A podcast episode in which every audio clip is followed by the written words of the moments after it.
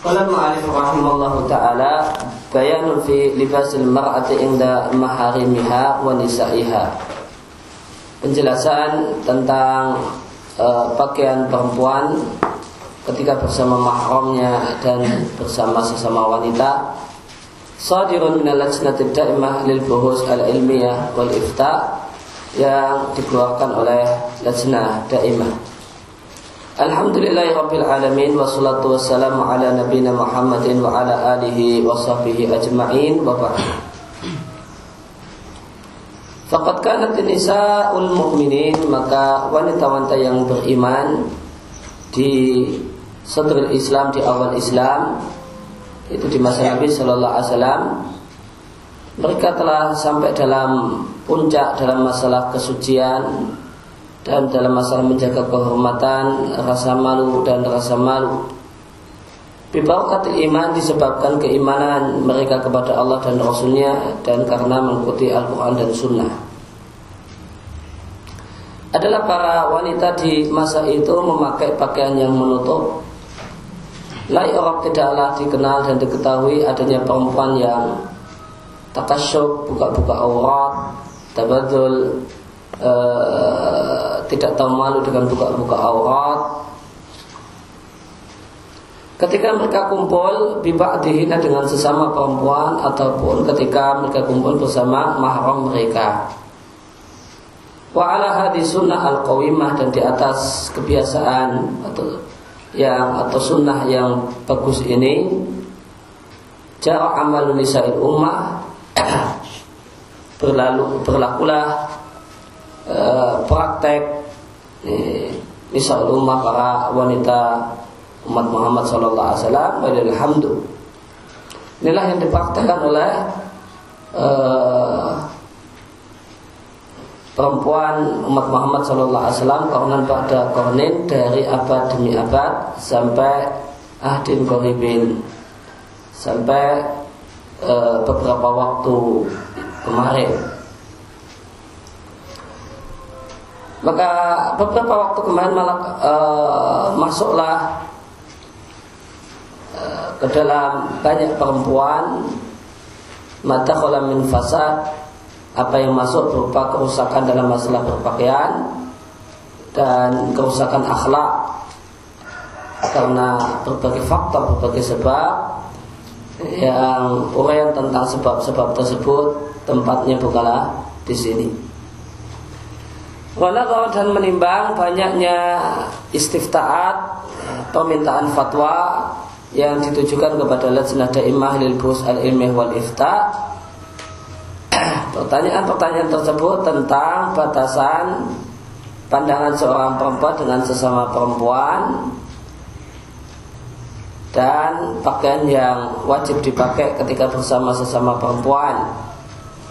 Maka karena hal tersebut maka Lajnah Tubayan menjelaskan kepada semua wanita-wanita yang beriman, semua wanita wanita muslimah, annahu yajib. Ya wajib atas seorang wanita untuk berakhlak dengan rasa malu yang Nabi Shallallahu Alaihi Wasallam tetapkan bahasanya rasa malu itu adalah bagian iman dan salah satu cabang iman. Dan di antara rasa malu yang diperintahkan oleh syariat dan rasa malu yang terpuji menurut kebiasaan adalah manakala perempuan itu memilih menutup diri ya, dalam masalah berpakaian rap, rapat ya, dalam masalah berpakaian. Wal ihtisyam memiliki rasa malu dan terakhlak dengan akhlak yang menjauhkan mereka dari mawaqi'il fitnah tempat-tempat yang menimbulkan fitnah dan tempat-tempat yang mencurigakan. Zahir ayat Al-Quran menunjukkan bahasanya perempuan tidaklah menampakkan kepada sesama perempuan kecuali yang dia nampakkan kepada mahramnya. Itulah uh, yang biasa dibuka ketika di dalam rumah dan biasa dibuka fi halil mihnah ketika beraktivitas di rumah. beraktivitas di rumah masa atau eh, bersih-bersih rumah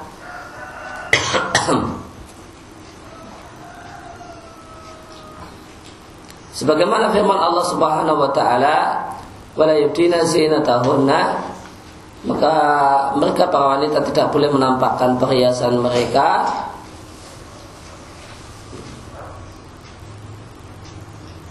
yaitu gelang dan kalung dan sebagainya kecuali kepada suami atau bapak atau bapak mertua atau anak atau anak suami, anak tiri atau saudara mereka, saudara kandung mereka atau keponakan mereka atau ya, keponakan mereka dari saudara perempuan atau sesama wanita. Maka kalau kita baca secara utuh surat An-Nur ini Maka bisa kita simpulkan pakaian seorang wanita di depan sesama wanita itu sama dengan pakaian dia di depan bapaknya, di depan kakaknya, di depan adiknya. Maka inilah nas Al-Quran Dalil Al-Quran menunjukkan Jadi perempuan tidak menampakkan di depan sesama perempuan Kecuali apa yang dia nampakkan di depan mahramnya Wa madalat alaihi sunnah dan ini pun sejalan dengan hadis. Dan inilah yang dipraktekkan oleh istri-istri Nabi dan istri-istri para sahabat dan orang-orang yang mengikuti mereka dengan baik dari wanita umat Muhammad SAW sampai zaman ini. Nah, apa yang dimaksud dengan apa yang biasa dibuka di dalam rumah? Yang dimaksud dengan apa yang biasa dibuka menurut kebiasaan, apa yang biasa dibuka uh, yang dimaksudkan oleh ayat adalah mayat minal marah ghaliban fil bait adalah apa yang nampak dari seorang perempuan biasanya ketika di dalam rumah dan ketika beraktivitas. Wa yashuk alaiha taharus minhu. Dan satu hal yang sangat merepotkan jika mereka harus menghindarinya jika mereka harus menutupi menutupinya. Semacam menampakkan kepala menampakkan tangan. Maka tangan sampai siku atau sedikit di atas siku leher dan dua telapak kaki nah, inilah yang boleh uh, yang wajarnya dinampakkan oleh seorang wanita ketika di dalam rumah dan ketika dia beraktivitas. Dan inilah yang boleh dinampakkan uh, di hadapan mahram, di hadapan bapaknya, di hadapan kakaknya, di hadapan adiknya, di hadapan anaknya. Demikian pula inilah yang dinampakkan kata Lazna, inilah yang dinampakkan di hadapan sesama wanita.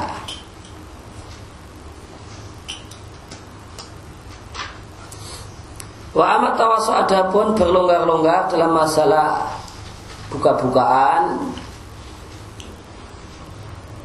maka perbuatan ini ala waktan di samping tidak terdapat dalil yang menunjukkan bolehnya dari Al-Quran ataupun Sunnah Namun perbuatannya adalah jalan Lifitnatul mar'ah adanya problem, adanya e, fitnah di antara sesama perempuan. Wal iftitan e, kalau tadi mem memfitnah kalau ini iftitan terfitnah. Memfitnah dan terfitnah min banati jinsiah dengan sesama wanita. Kalau lebih dari tadi yang dibuka di hadapan sesama wanita maka itu bisa menyebabkan ada wanita lain yang tergoda ataupun ya, ataupun dia yang juga tergoda.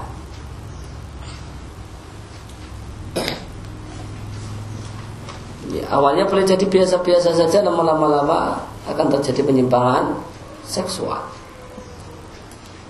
Wahada mewujud dan ini adalah satu hal yang secara realita ada dijumpai di tengah-tengah wanita. Dan jika ada wanita yang memulai semacam ini, maka dia akan jadi teladan yang jelek untuk wanita yang lain. Di samping perbuatan ini berlonggar-longgar dalam masalah pakaian di depan sesama wanita adalah tasabuh dengan wanita kafir.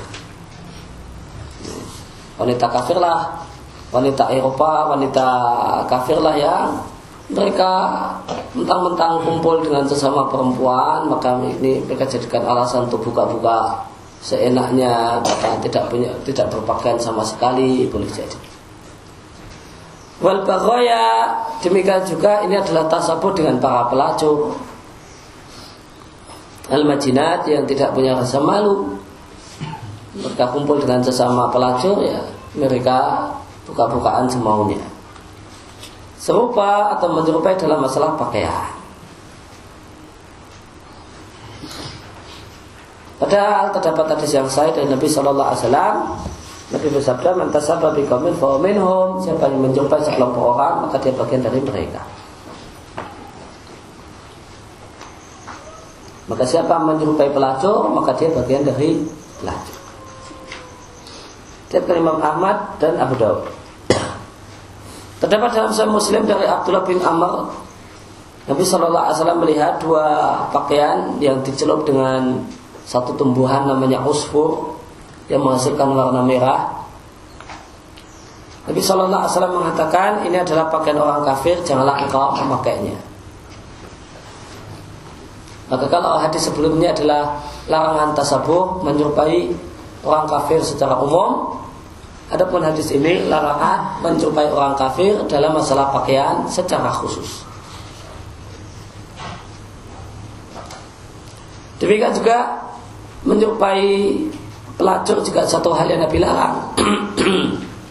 ya, terdapat hadis yang melarang wanita muslimah untuk menyerupai pelacur. Itulah hadis yang ada dalam Muslim. Nabi Shallallahu Alaihi Wasallam bersabda ada dua kelompok penghuni neraka yang belum pernah aku melihatnya. Pertama adalah sekelompok laki-laki yang bersamanya campur-campur uh, yang besar sebagaimana ekor sapi yang mereka gunakan untuk memukuli manusia. Yang kedua adalah perempuan yang berpakaian namun telanjang, ma'ilat, mumilat.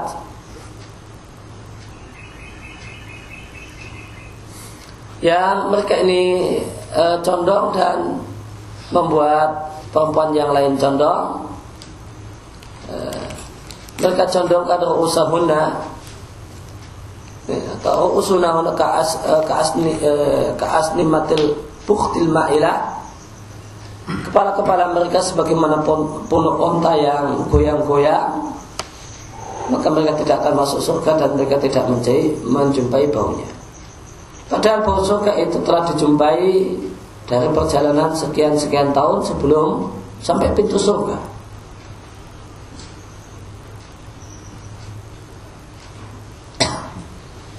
Dan yang dimaksud dengan berpakaian namun telanjang adalah seorang perempuan itu berpakaian dengan pakaian yang tidak menutupi auratnya. Faya kasiatun maka dia berpakaian namun pada hakikatnya dia telanjang. Maka termasuk berpakaian namun telanjang adalah memakai pakaian yang tipis ya menampakkan kulit sehingga diketahui kulitnya itu hitam atau tidak. Kemudian yang kedua termasuk berpakaian atau telanjang adalah memakai pakaian yang ketat yang menampakkan takote lekuk-lekuk badan dan yang ketiga e, berpakaian yang telanjang adalah e, e, berpakaian yang mini-mini yang tidak menutupi sebagian anggota badan meskipun menutupi sebagian anggota badan yang lain.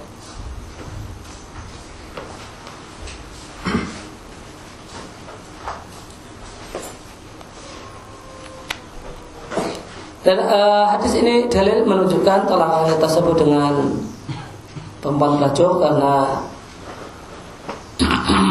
uh, kepala kepala mereka sebagaimana bulu onta yang condong ini adalah salah satu model uh, model tata rias rambut ala pelacur yang ada di masa Nabi Shallallahu Alaihi Wasallam di mana mereka uh, kumpulkan rambut mereka mereka gelung dan mereka taruh di tengkok dan leher atau di tengkok mereka.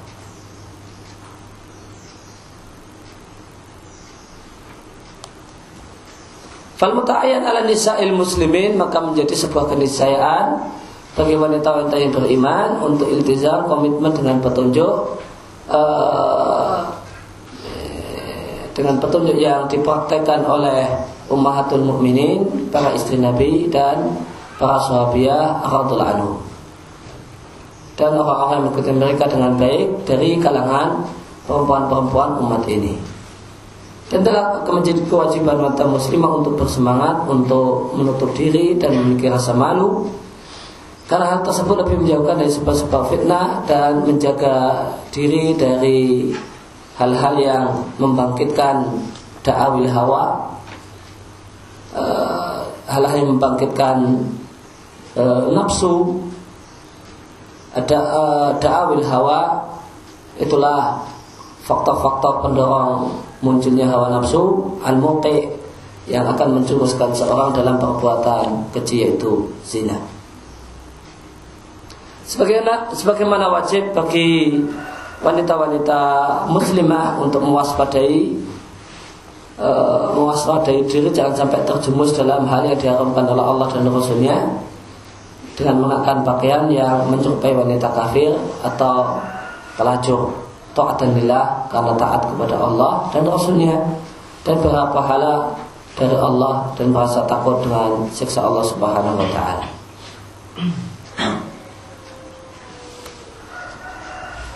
Maka di sini kita lihat lajnah melarang e, wanita bermuda-muda dalam masalah berpakaian di depan sesama wanita.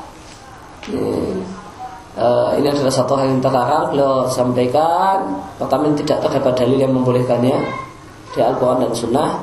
Kemudian yang kedua ini bahaya e, ke depannya untuk sesama wanita akan timbul penyakit-penyakit seksual dan penyimpangan-penyimpangan seksual ini yang kedua alasan yang kedua. Kemudian alasan yang ketiga yang disampaikan oleh Al adalah e, tindakan semacam ini menyerupai wanita kafir dan menyerupai wanita pelacur. Kemudian pesan kepada para wali kama yajib ala kulli muslimin sebagaimana wajib atas setiap laki-laki muslim untuk bertakwa pada Allah berkaitan dengan masalah perempuan yang di bawah kewaliannya. Janganlah dia biarkan perempuan tersebut memakai pakaian yang Allah diharamkan Allah Allah dan Rasulnya itulah pakaian-pakaian yang khali'ah eh, eh, pakaian-pakaian yang tidak memiliki rasa malu, kasifah yang uh, buka-bukaan, fatina yang menimbulkan godaan. Dan adalah uh, masing-masing laki-laki menyadari bahasanya dia adalah pemimpin dan memimpin perempuan yang dibawa kewaliannya boleh jadi istrinya, boleh jadi anak perempuannya, boleh jadi adik perempuannya. Walialam dan darah dia menyadari bahasanya dia adalah pemimpin yang akan dimintai pertanggungjawaban tentang apa yang dia pimpin pada hari kiamat nanti. Memohon kepada Allah agar Allah memperbaiki kondisi kaum muslimin Demikian hidayah kepada kita semua kepada jalan yang lurus dia maha mendengar lagi maha dekat dan maha mengabulkan doa wassalamualaikum warahmatullahi wabarakatuh wa ala alihi ya, uh, yang diketahui oleh Syekh Abdul Aziz bin Abdullah bin Muhammad Al-Syekh beranggotakan Syekh Abdullah bin Abdurrahman Al-Hudayan Syekh Saleh bin Fauzan Al-Fauzan dan Syekh Bakar bin Abdullah Abu Zaid. Kemudian uh, tambahan berikutnya adalah fatwa lajnah kalau tadi bayan dari lajnah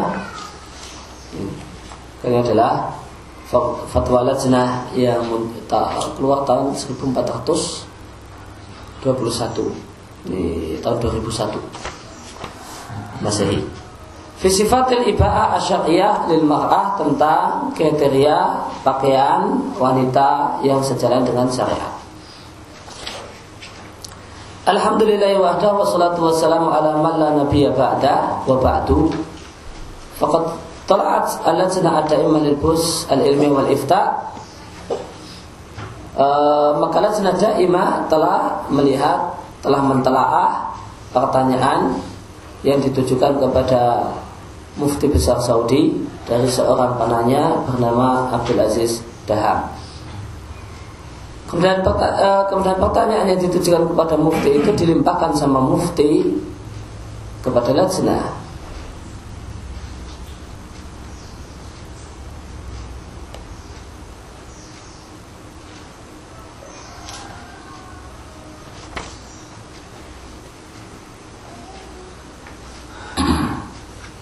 Waqat sa'al mustafti dan si penanya bertanya dengan teks pertanyaan sebagai berikut. Fakadin tasyar telah tersebar di eh, di masa-masa air ini. Satu abah, satu abaya pakaian perempuan. Mufasilah anil jismi yang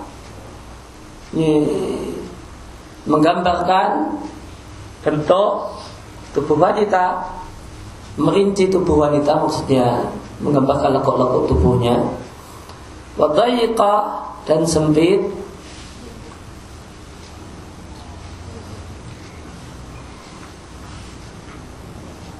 Pakaian tersebut tata kawan e, tersusun dari dua lapis, dua tingkatan yang tipis min kumash dari jenis kain e, mungkin karib ini nama jenis kain. Wala kam e, kamun wasiun dan dan pakaian tersebut memiliki lengan baju yang lebar lebih khususun dan di sana ada hiasan-hiasan. Khusus makna aslinya itu mata cincin e, maksudnya hiasan wa tatris dan terdapat banyak bordiran-bordiran wa yatuda alal katif. Dan apa yang tersebut diletakkan di di pundak ya, tidak di kepala. Ya. fama hukum syar'i fi hadil abaya aba'ah apa hukum syariat berkaitan dengan abaya semacam ini berkami fatwa majurin eh, semoga anda mendapatkan pahala dan kami berharap kepada kepada anda para ulama yang duduk di untuk bimukhotabah menyampaikan hal ini kepada Kementerian Perdagangan eh, supaya Kementerian Perdagangan melarang beredarnya pakaian semacam ini dan pakaian semisalnya. Bapak dan setelah lajna mengkaji uh, hal yang ditanyakan aja abad makalah saya memberikan jawaban sebagai berikut. Bi annal aba'a asyariyasnya abaya yang syar'i bagi perempuan dan apa itu sama dengan jilbab ada paket yang mewujudkan tujuan syariat dengan mensyariatkan jilbab yaitu kamalus satari seorang perempuan itu bisa tertutup tubuhnya secara sempurna sehingga terjaga dari fitnah Wabinaan ala dhalik maka berdasarkan hal tersebut fala budda lil aba'a lil aba'a lil uh, aba'atil mar'ah maka abaya atau jilbab seorang perempuan itu harus tertawafak memenuhi kriteria sebagai berikut. Yang pertama adalah hendaknya pakaian tersebut samikah tebal sehingga tidak menampakkan kulit yang ada di bawahnya. Saya tidak bisa dideteksi ini kulitnya kuning apakah sawo matang ya, di balik kain. Walayakunulah dan pakaian tersebut tidak memiliki sifat khosyah al-iltisaq lengket di badan. Kalau pakaian tersebut lengket di badan, bahasa kita press body, eh, maka ini pakaian yang tidak memenuhi ketentuan pakaian muslimah. Tidak boleh press body.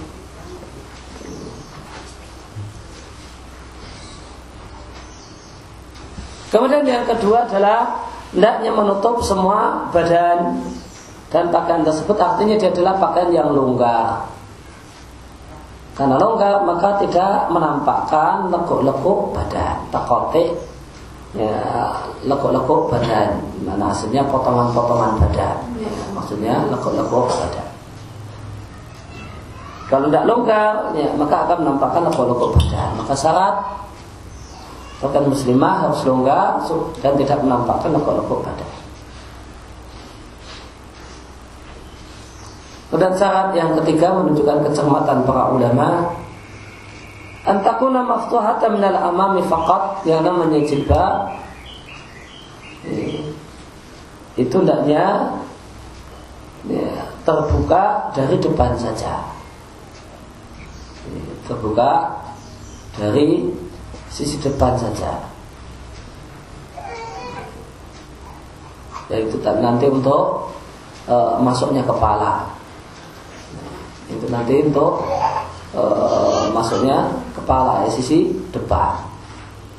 Ya, jangan malah belakang juga disobek atau di uh, uh, watakuna fathah akmam dayiqah demikian juga lubang lengan baju itu harus sempit.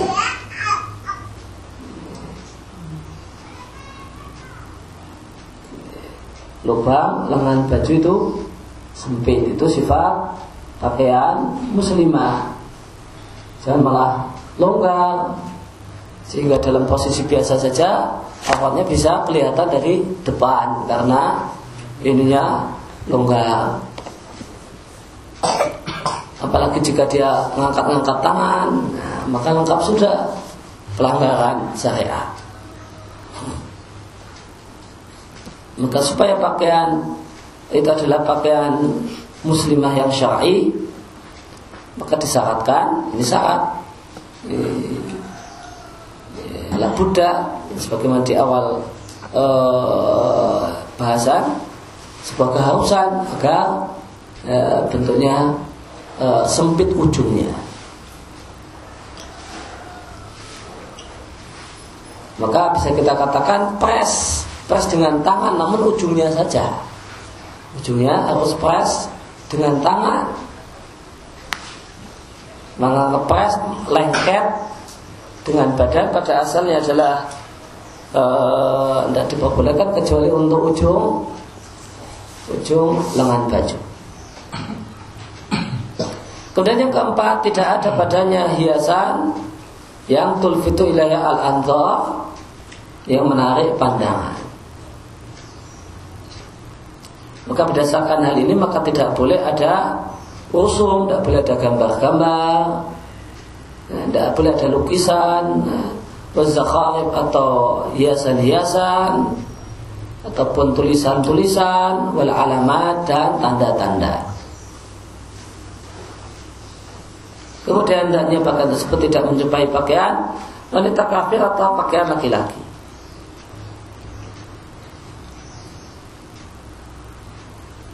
Kemudian yang namanya abaya itu terusan dari kepala eh, dan terus eh, dijulurkan sampai bawah.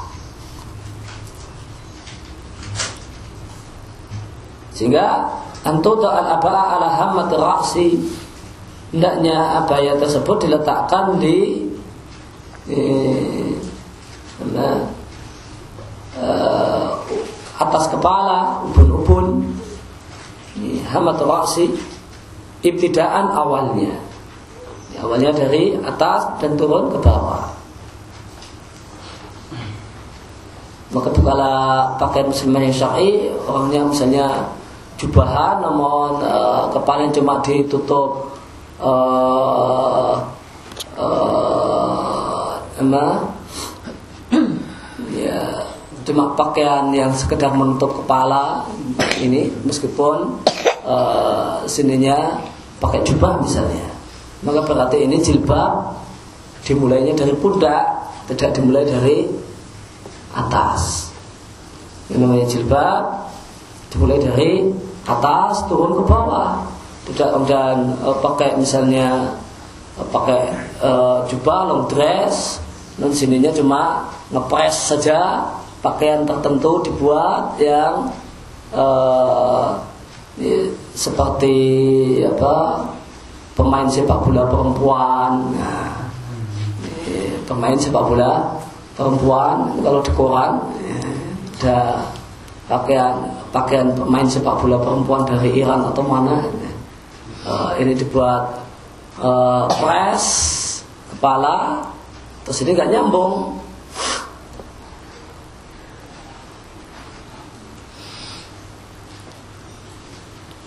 Walama taqaddama maka berdasarkan keterangan yang lewat maka apa yang telah disebutkan di pertanyaan bukanlah pakaian yang syar'i untuk perempuan maka tidak boleh memakainya karena tidak memenuhi persyaratan yang wajib dalam uh, dalam pakaian.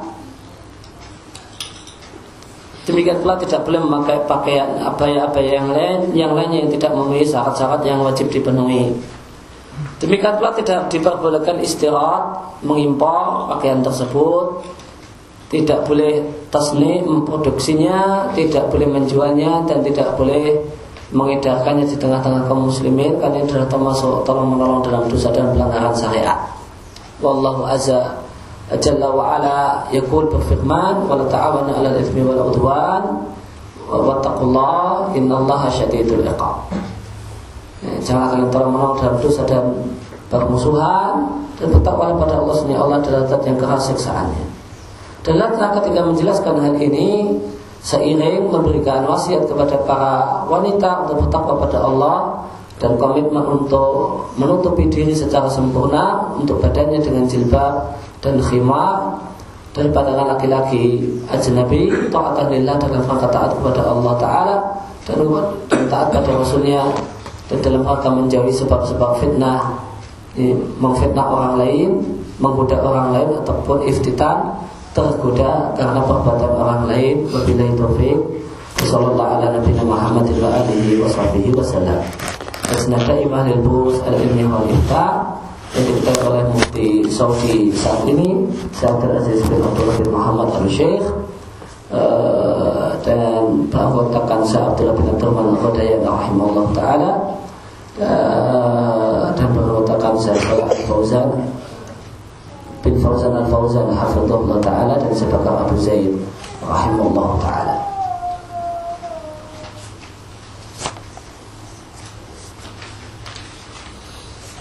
Ya, demikian uh, akhir kajian uh, ayat dari kegiatan rutin kita selama beberapa waktu yang lewat membaca dan mentelaah kitab Hilasatul Fadilah karya Syekh Abu Zaid rahimahullah taala. Kita lanjutkan dengan kitab penggantinya.